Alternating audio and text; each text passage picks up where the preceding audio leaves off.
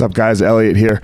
Um, before we get started, I have started a Patreon account. Patreon is a place where you can go to help support the podcast. Uh, I would greatly appreciate it if you are finding it useful. I have one tier right now um, for the first 50 people.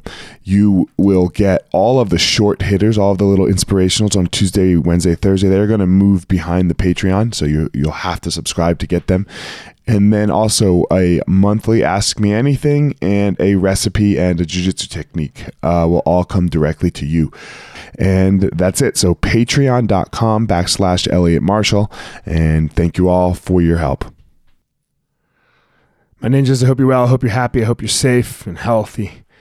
Um, man the next line of this song is, you know that touched me is, is you got to know how to lose. Um, it's just part of the gig you know, they're uh, e- even people, even you know, I'm I'm a fight right as we all know, I'm a fighter. Uh, even people like Khabib, like okay, he's never lost in MMA. I get that, but the dude is lost. Like it's not, it's, he's not undefeated.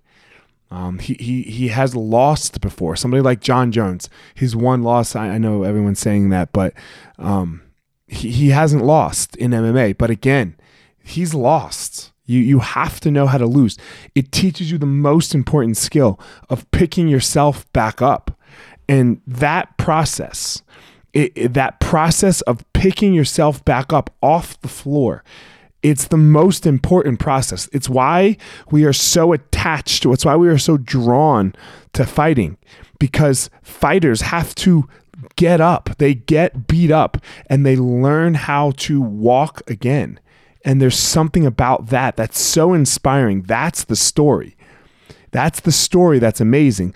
Like the the just straight success story, nobody really cares about that story. Like you might care about like artificially or superficially what that person has, but nobody gets inspired by that dude or the, by that girl, right? Like no one. What you get inspired by is is that dude that that got knocked out, that girl that just has been getting beat on and beat on and figures out how to get up off that fucking canvas and find their power.